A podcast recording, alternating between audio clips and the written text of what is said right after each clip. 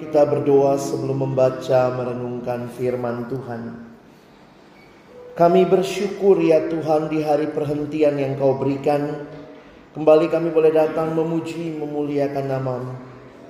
Tuhan terima kasih kami boleh menyatakan pujian kami kepada Engkau Allah satu-satunya yang layak menerima segala puji, hormat, sembah kami. Kami boleh juga menaikkan doa-doa kami. Kami boleh mendengarkan kesaksian yang meneguhkan, menguatkan iman kami, saling membangun satu sama lain. Tiba waktunya bagi kami untuk membuka firman-Mu ya Tuhan.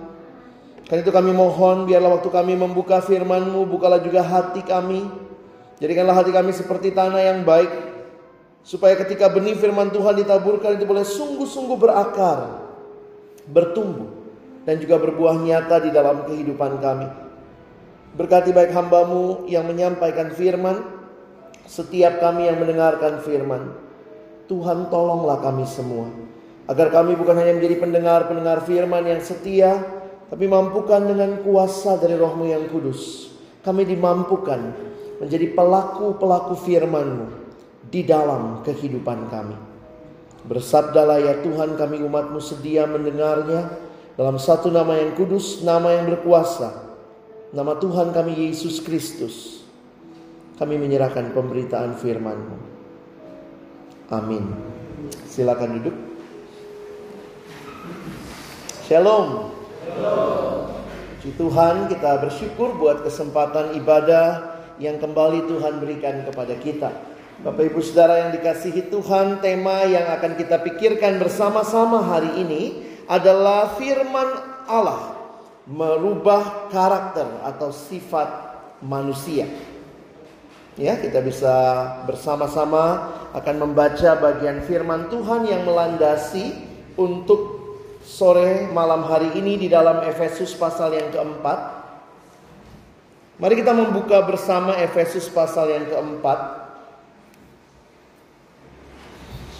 Di dalam ayat yang ke-20 sampai dengan ayatnya yang ke-24. Efesus pasal yang keempat, ayat yang ke-20 sampai dengan ayat yang ke-24. Kalau Bapak Ibu membawa Alkitab tercetak melihat di dalam judul perikop yang diberikan adalah manusia baru. Mari kita membaca bergantian. Saya baca ayat 20, Bapak Ibu Saudara sekalian baca 21, kita bergantian sampai ayat yang ke-24. Tetapi kamu bukan demikian. Kamu telah belajar mengenal Kristus.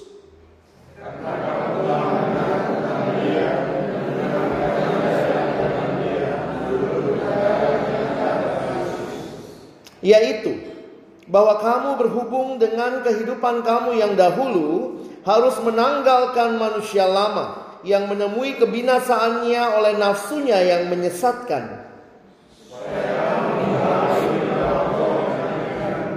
Dan mengenakan manusia baru yang telah diciptakan menurut kehendak Allah di dalam kebenaran dan kekudusan yang sesungguhnya. Saudara yang dikasihi Tuhan, kita bersama-sama mengetahui hidup orang Kristen adalah hidup yang tentunya berbeda dengan dunia. Dan bagian yang Paulus sampaikan kepada jemaat Efesus ini, Paulus mengingatkan mereka akan identitas mereka di dalam Kristus. Ada seorang yang bernama John Stott menuliskan dalam sebuah bukunya, dia mengatakan bahwa hidup Kristen itu seperti sebuah novel. Novel dibagi di dalam dua volume. Jadi satu novel dua volume lah kira-kira begitu ya. Dia mengatakan di volume yang pertama dicatat mulai dari orang itu lahir sampai sebelum dia kenal Yesus. Volume pertama judulnya Manusia Lama.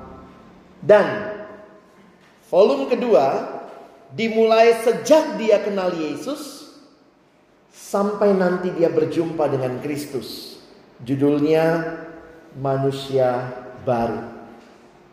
Pertanyaan penting bagi kita, kita ada di dalam novel jilid yang mana? Volume pertama? Masih hidup di dalam dosa? Masih hidup di dalam hal-hal yang tidak benar?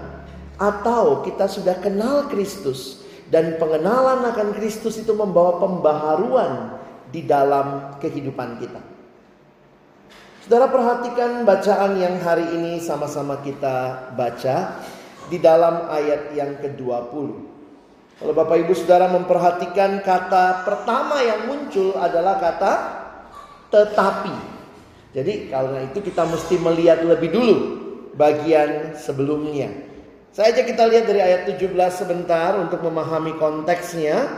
Ketika Paulus bicara kepada jemaat Efesus dia mengatakan demikian. Sebab itu kukatakan dan kutegaskan ini kepadamu di dalam Tuhan. Jangan hidup lagi sama seperti orang-orang yang tidak mengenal Allah. Lihat ciri-ciri orang yang tidak mengenal Allah.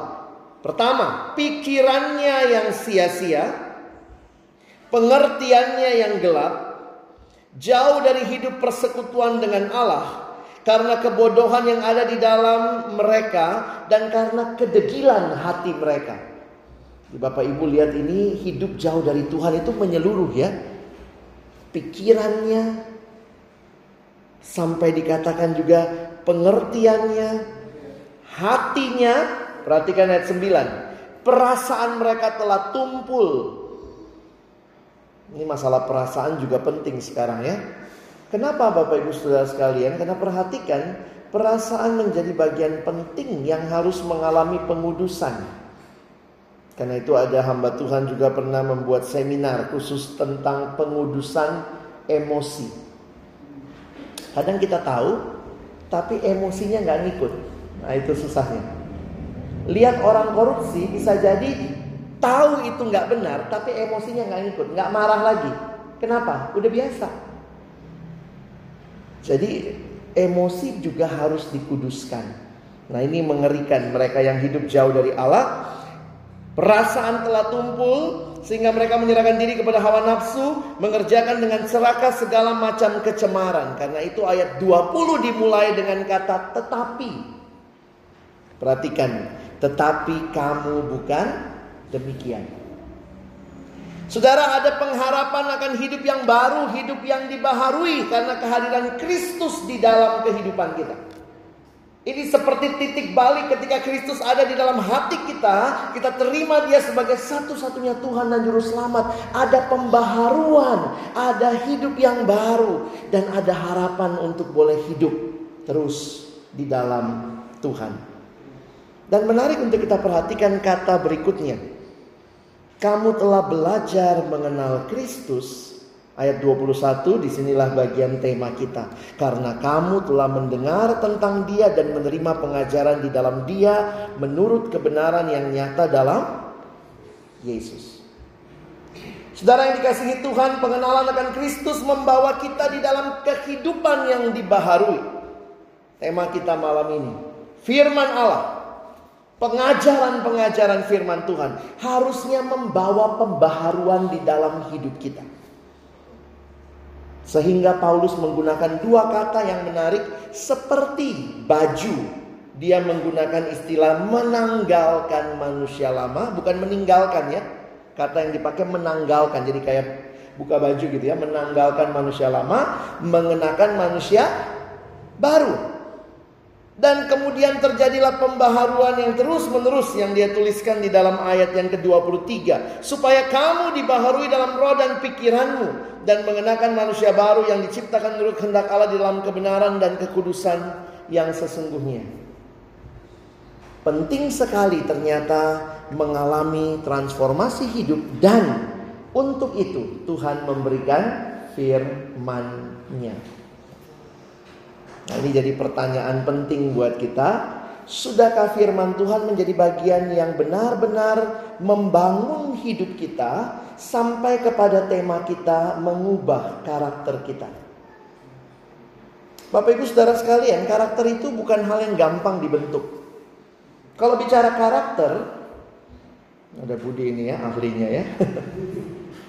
Karakter itu bicara tentang sesuatu yang sudah melekat dalam hidup. Ada yang bilang begini ya, untuk memudahkan saja. Ada yang mengatakan begini, kalau kita melakukan tindakan, kalau saudara menabur tindakan, saudara akan menuai kebiasaan.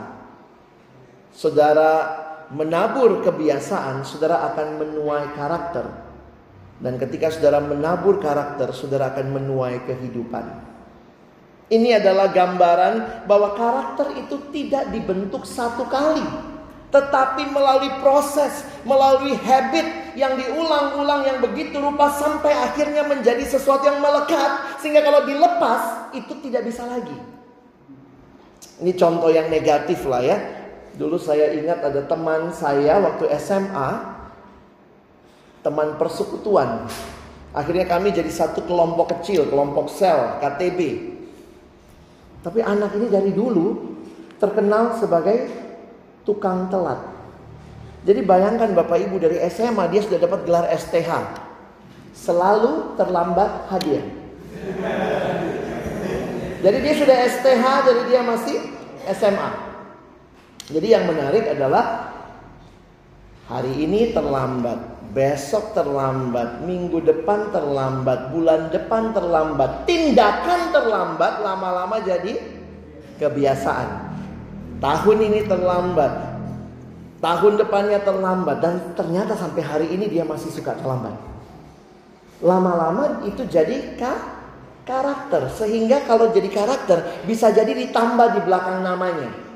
Si X tukang telat. Sekalinya dia datang on time kita bilang apa? Tumben. Nah itu karakter tuh. Nah ngeri ya. Karakter-karakter itu begitu melekat. Tapi pertanyaannya, karakter bisa diubah nggak? Harusnya bisa. Tapi sulit. Tapi ingat, bukan berarti tidak bisa. Saya sih lebih suka mentalitas ini ya. Sulit, tapi bisa. Daripada bisa tapi sulit. Saya kalau pimpin retret anak remaja, di retret itu semua, siapa mau hidup dalam Tuhan? Saya kak, saya kak. Bisa hidup dalam Tuhan, bisa. Eh begitu pulang, sulit kak. Mendingan saya bilang, saya ingatkan, hidup dalam Tuhan itu sulit. Tapi bisa. Karena kekuatan dari roh kudus. Bapak Ibu, sebenarnya ada tiga hal yang Tuhan berikan untuk mengubah, membangun karakter kita. Yang Tuhan berikan ada tiga hal. Kalau kita baca seluruh Alkitab, kita bisa menyimpulkan tiga hal ini. Yang pertama, Tuhan memberikan rohnya yang kudus. Sehingga perubahan itu bukan semata-mata usaha, keinginan, kemauan kita. Apa yang kita baca di Alkitab dikatakan misalnya buah roh itu ialah kasih sukacita dan seterusnya. Ini bukan buahnya kita. Di dalam dosa, di dalam kedagingan yang kita lakukan bukan melahirkan buah, tetapi itu yang Paulus katakan perbuatan, perbuatan, perbuatan. Galatia 5:19, perbuatan daging. Tapi ketika kita hidup baru, kita terima Yesus di dalam hati kita, ada Roh Kudus diam di dalam kita, maka kita bisa berubah. Karena itu Alkitab menggunakan istilah buah roh. Buah dari kehadiran roh di dalam hidup kita. Saya bukan orang yang mengasihi. Di dalam dosa saya lebih cenderung membenci, balas dendam. Tapi ketika roh kudus diam dalam saya, saya dimampukan mengasihi. Makanya buah roh adalah kasih. Itu bukan buahnya Alex. Alex ini pendendam, benci, suka maunya mau balas dendam. Tapi ketika roh kudus diam, menolong untuk bisa mengasihi. Allah kasih roh kudus. Jadi Bapak Ibu jangan pernah merasa sulit untuk berubah. Karena buat kita yang percaya roh kudus diberikan di dalam hati kita. Yang kedua tema kita malam ini. Roh Kudus hadir, tapi kemudian jangan lupa bagaimana kita mengalami pembaharuan adalah peran firman firman Tuhan. Nanti saya coba bahas lebih dalam karena itu tema kita. Dan yang ketiga adalah komunitas. Tuhan memberikan perubahan itu di dalam dan melalui komu komunitas. Sehingga mari kita memberi diri terlibat di dalam komunitas Allah. Ada yang mikir gini, nanti lama-lama gereja kayaknya nggak usah ketemu lagi pak, pakai Skype aja. Semua bisa dari rumah. Saya bilang bukan gitu konsep bergereja. Kenapa bergereja itu harus ketemu? Sebenarnya kalau kita perhatikan gereja mula-mula itu bagian di mana besi menajamkan besi, orang menajamkan sesamanya. Sehingga pertemuan fisik itu jadi penting.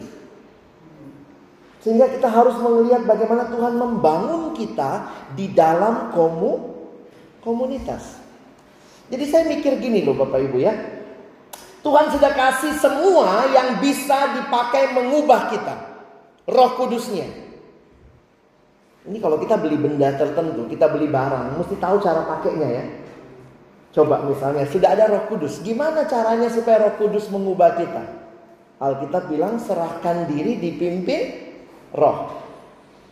Jadi kalau belum berubah, jangan-jangan kita kurang berserah.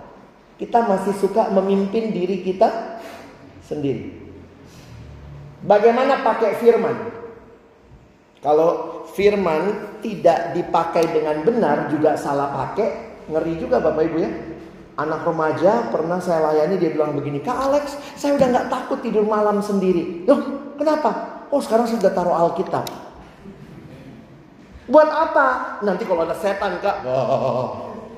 Jadi dia pakai Alkitab dengan benar. Bapak Ibu tema malam ini tidak akan bisa terjadi kalau kita tidak pakai dengan benar. Yang ketiga, Tuhan kasih komunitas, tapi kita nggak mau datang. Kita nggak mau terlibat. Kita nggak mau membiarkan kita dibentuk satu sama lain. Kalau kita punya tapi nggak tahu pakainya, jangan harap kita bisa ngalami peru perubahan. Saya kadang suka mikir gitu ya, ternyata Tuhan bentuk karakter itu di mana Bapak Ibu?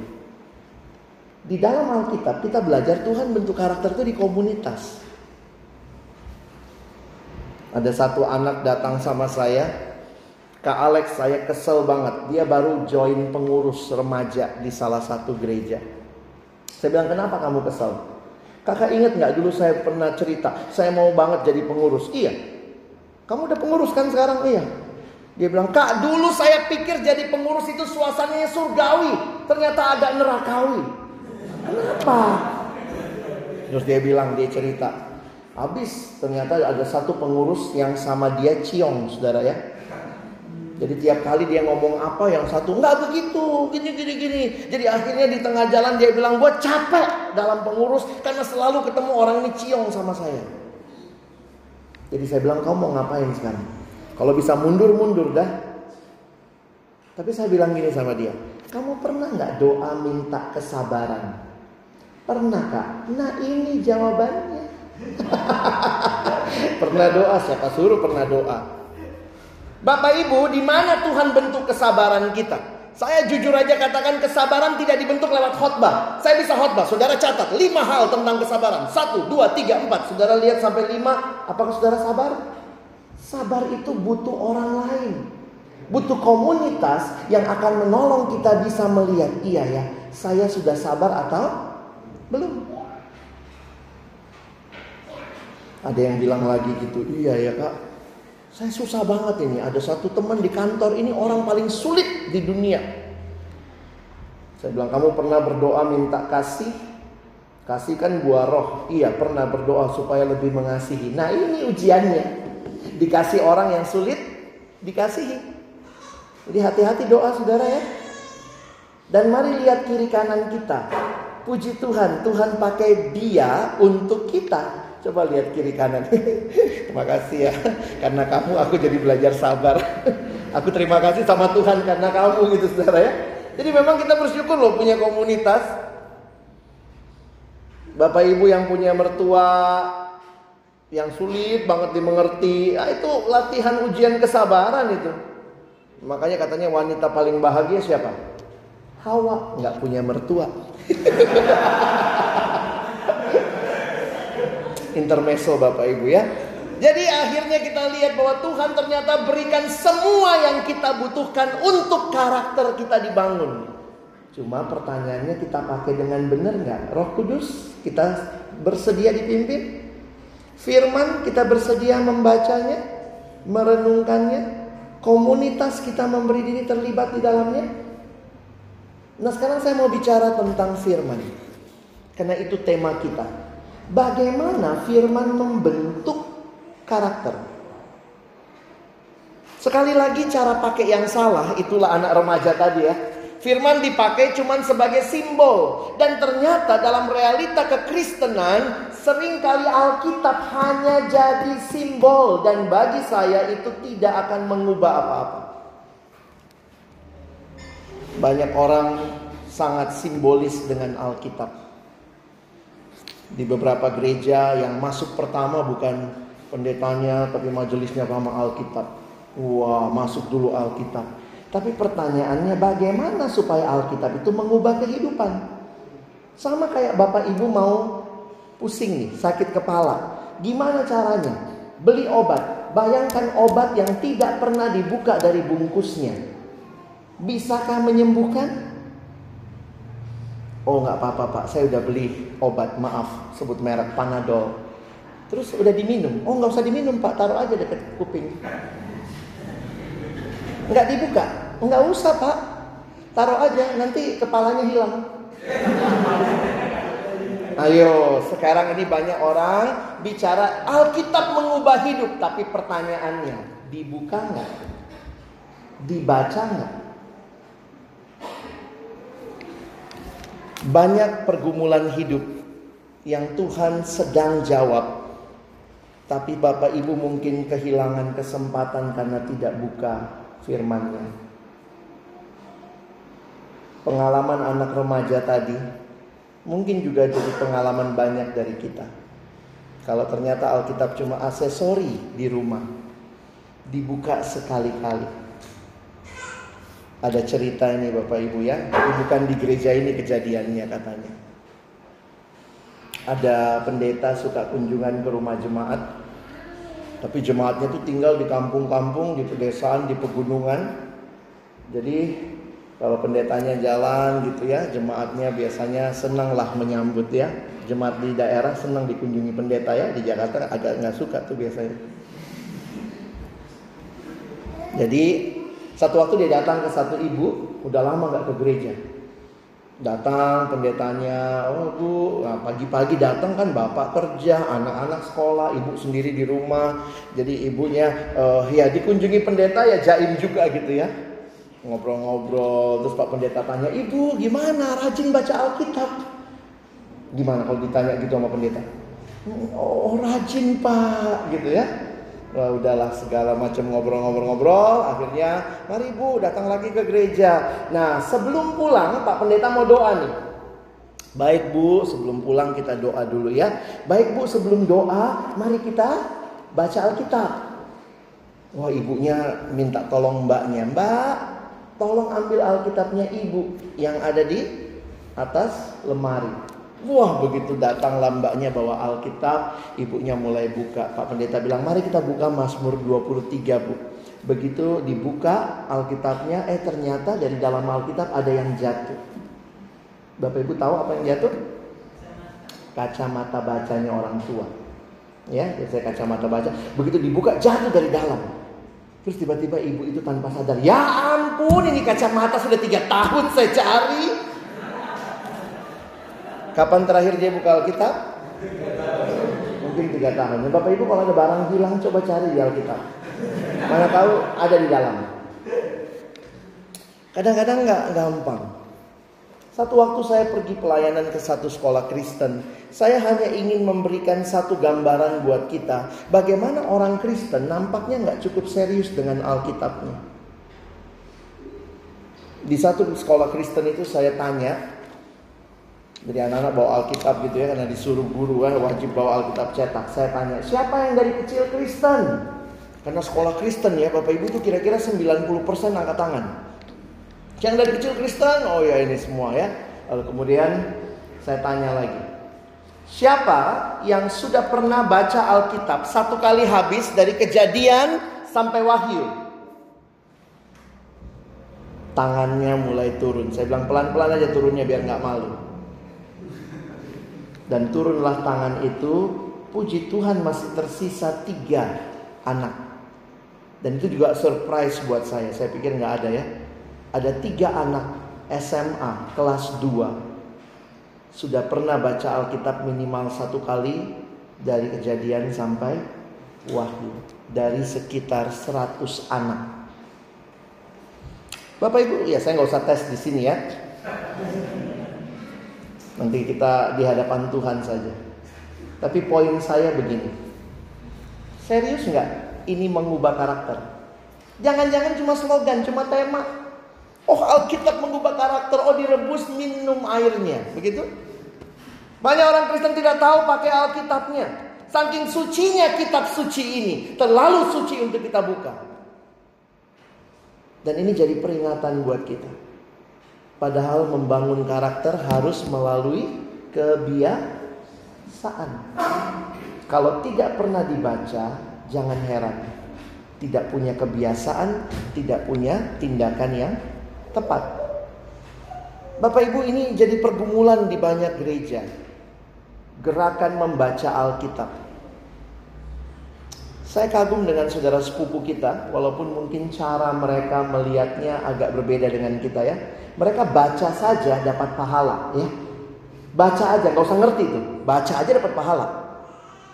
Makanya kalau kita lihat saudara-saudara sepupu kita itu punya kerinduan anaknya hatam. Bapak Ibu tahu itu?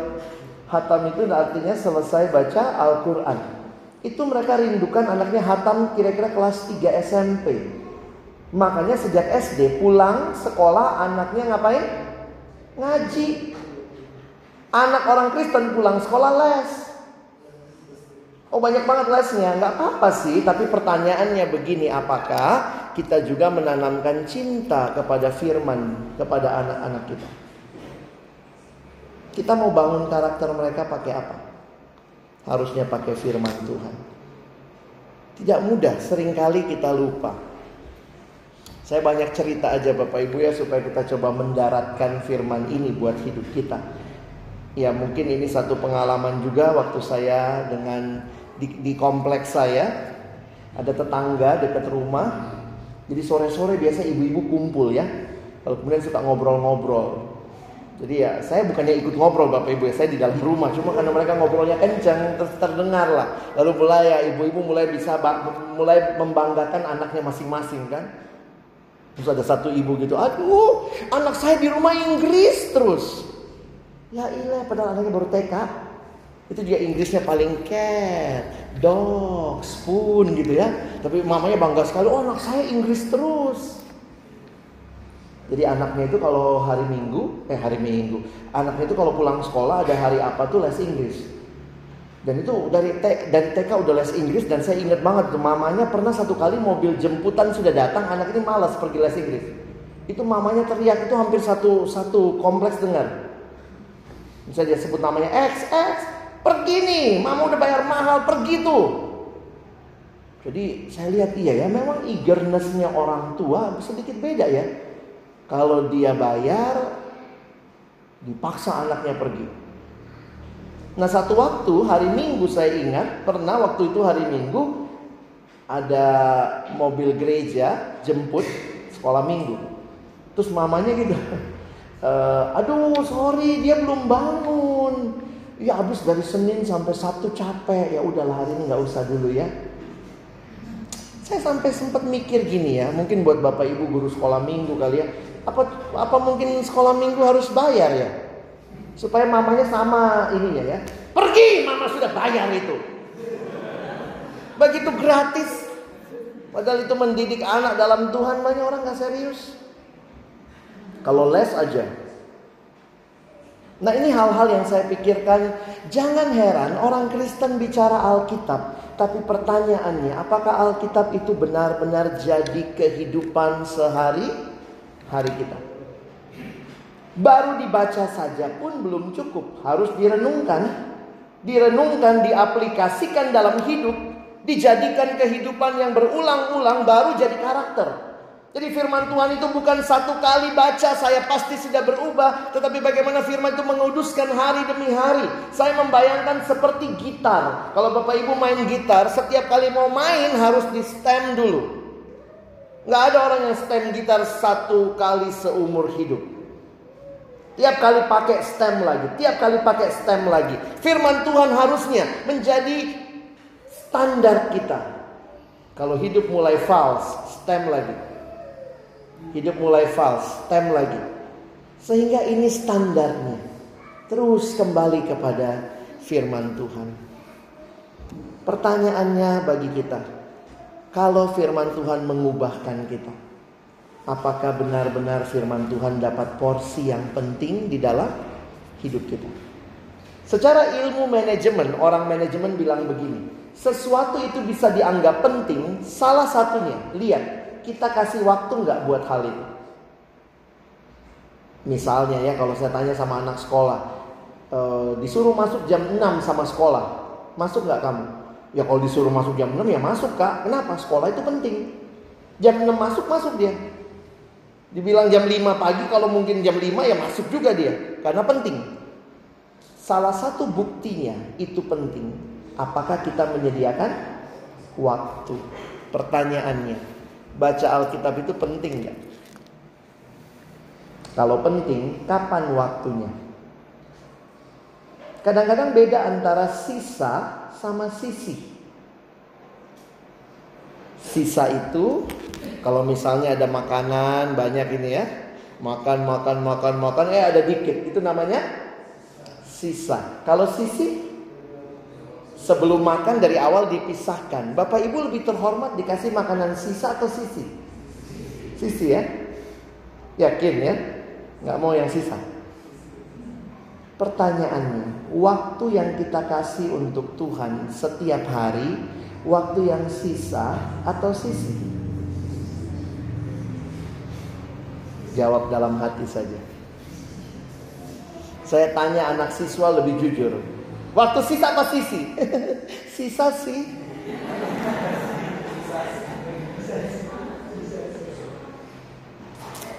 Dalam hidup kita serius dengan hal-hal yang kita anggap penting. Tapi apakah membaca merenungkan firman masuk dalam list kita? Apa artinya mengasihi Tuhan Bapak Ibu sekalian? Mengasihi Tuhan berarti benar-benar memberi waktu kepadanya untuk menikmati relasi dengan dia. Kita buka satu ayat, Yohanes 14 ayat 15. Ayat ini indah sekali mengingatkan kita apa arti mengasihi Tuhan. Yohanes 14 ayat 15. Mari yang sudah menemukan kita membaca ayat ini bersama-sama. Satu, dua, iya. Jikalau kamu mengasihi aku, Bukti kita mengasihi Tuhan bukan seberapa besar foto Yesus di dompet kita. Kita taruh foto Yesus di kamar, di kamar mandi mungkin gitu ya. Bukti mengasihi Tuhan adalah menuruti segala perintahnya. Sehingga karakter terbentuk ketika firman dibaca, direnungkan, ditaati, diikuti akan mengubah kehidupan kita dan itu terjadi terus menerus hari demi hari. Ada persekutuan rutin dengan Tuhan setiap hari punya waktu membaca merenungkan firman Tuhan. Bagi kita seharusnya saat teduh itu menjadi waktu-waktu yang berharga. Kita suka pakai istilah saat teduh ya waktu yang diberikan setiap hari disisihkan untuk membaca merenungkan firman Tuhan. Jangan sampai kalau ditanya bagaimana saat teduhnya, teduh. Sudah nggak dilakukan. Jadi Bapak Ibu Saudara sekalian ada lagunya kan? Aku mengasihi engkau Yesus. Lagu itu bagus. Aku mengasihi engkau Yesus dengan segenap hatiku. Buktinya apa? Referennya bilang, Ku renungkan firmanmu siang dan malam padahal nggak pernah. Itu kalau nyanyinya bisa sungguh-sungguh ya tutup mata lagi. Sekarang orang Kristen kalau nyanyi sampai tutup mata begitu pencuri masuk nggak ketahuan.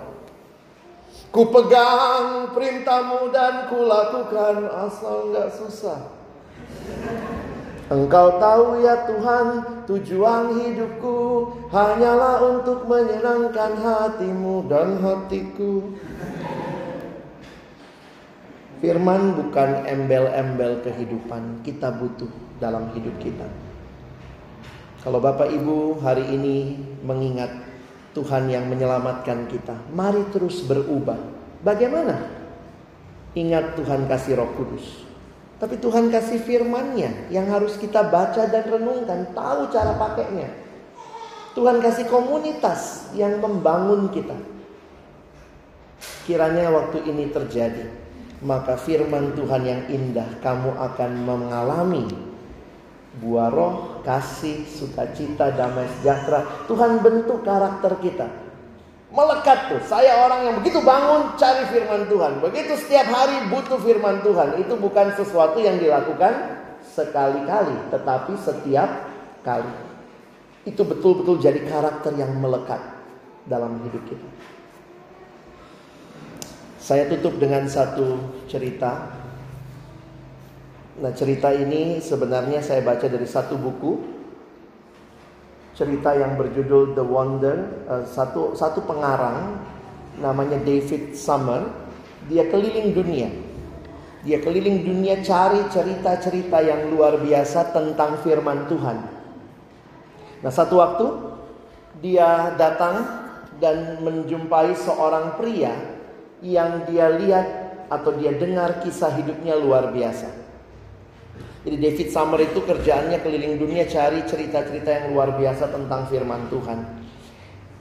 Ada satu pemuda yang dia temui, pemuda ini waktu waktu ditemui sama David Summer itu kondisinya menyedihkan. Karena dalam sebuah ledakan jadi pemuda ini waktu dia masih muda dia baru saja jadi Kristen lalu dia kerja di salah satu pabrik dan ketika itu ada ledakan besar di pabrik itu. Apa yang terjadi? Dia orang yang paling dekat dengan sumber ledakan. Sehingga karena ledakan yang besar itu, api berkobar begitu rupa, dia orang yang paling dekat.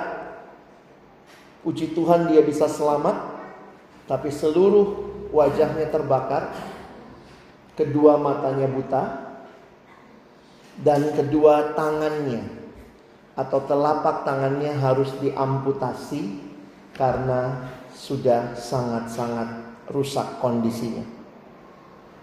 Dan waktu itu ketika ditanya, apa kesedihan terbesar dia ketika dia mengalami semua ini? Karena dia belum lama jadi Kristen, lalu dia bilang begini, kesedihan terbesar saya adalah karena saya tidak bisa lagi baca firman Tuhan. Lalu kemudian pria ini terus berusaha, dia pasti dia minta orang bacain tapi nggak mungkin orang baca terus. Waktu itu belum ada audio Bible kayak sekarang ya. Jadi akhirnya dia cari-cari cara segala macam sampai ternyata dia mendengar bahwa di Paris, dia ada di uh, Amerika ya, di Paris, di Prancis ada seorang wanita yang mengalami kondisi mirip seperti dia. Wanita ini dua matanya buta, tidak punya telapak tangan, tapi wanita ini bisa baca Alkitab. Ternyata dia pesan Alkitabnya orang buta, huruf Braille. Hurufnya kan timbul ya. Jadi wanita itu baca Alkitab pakai bibirnya. Nah waktu pria ini dengar, wow luar biasa. Ada orang yang pernah membaca Alkitab atau bisa baca Alkitab pakai bibirnya. Dia pun pesan Alkitab huruf Braille. Dan waktu dia pesan Alkitab huruf Braille itu, ketika tiba dia sangat senang. Dia kemudian mulai mengangkat Alkitab itu, dia coba baca pakai bibirnya. Dia coba, dia coba, ternyata tidak bisa. Kebakaran itu juga ternyata memutuskan saraf-saraf di bibirnya. Jadi bibirnya tidak lagi bisa membedakan huruf-huruf itu. Dia sangat sedih. Saya nggak bisa lagi baca Alkitab. Saya sudah punya Alkitab huruf Braille. Saya coba nggak bisa. Saya coba nggak bisa. Dia terus coba sampai tanpa sadar, tanpa sengaja dia menjulurkan lidahnya. Dan waktu dia julurkan lidahnya ternyata ujung lidahnya masih bisa membedakan huruf-huruf yang timbul itu. Dan pria itu mulai membaca Alkitab dengan lidahnya. Makanya waktu itu ceritanya terkenal, Bapak David Summers datang ke Amerika, kunjungi pria ini dan ketemu dengan dia karena dia salah satu orang yang membaca Alkitab pakai lidah. Waktu David Summers ketemu sama dia, tuliskan kisah hidupnya. Pria ini sudah membaca Alkitab dengan lidahnya lima kali selesai dari kejadian sampai wahyu.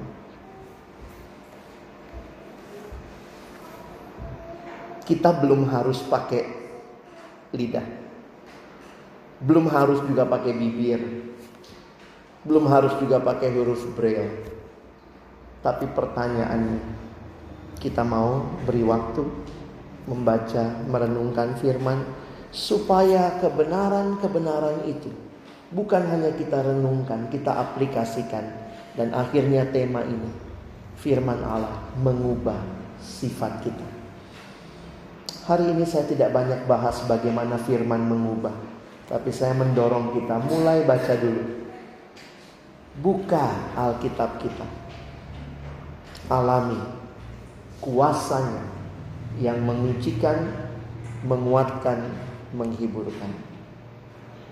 Kalau kita berjumpa dengan orang lain, kita pun bisa menyaksikan firman Tuhan itu ya dan amin. Tapi kalau kita tidak pernah alami firman Tuhan, mau cerita apa sama orang lain? Kiranya Tuhan menolong kita bukan cuma jadi pendengar firman, tapi jadi pelaku firman. Amin.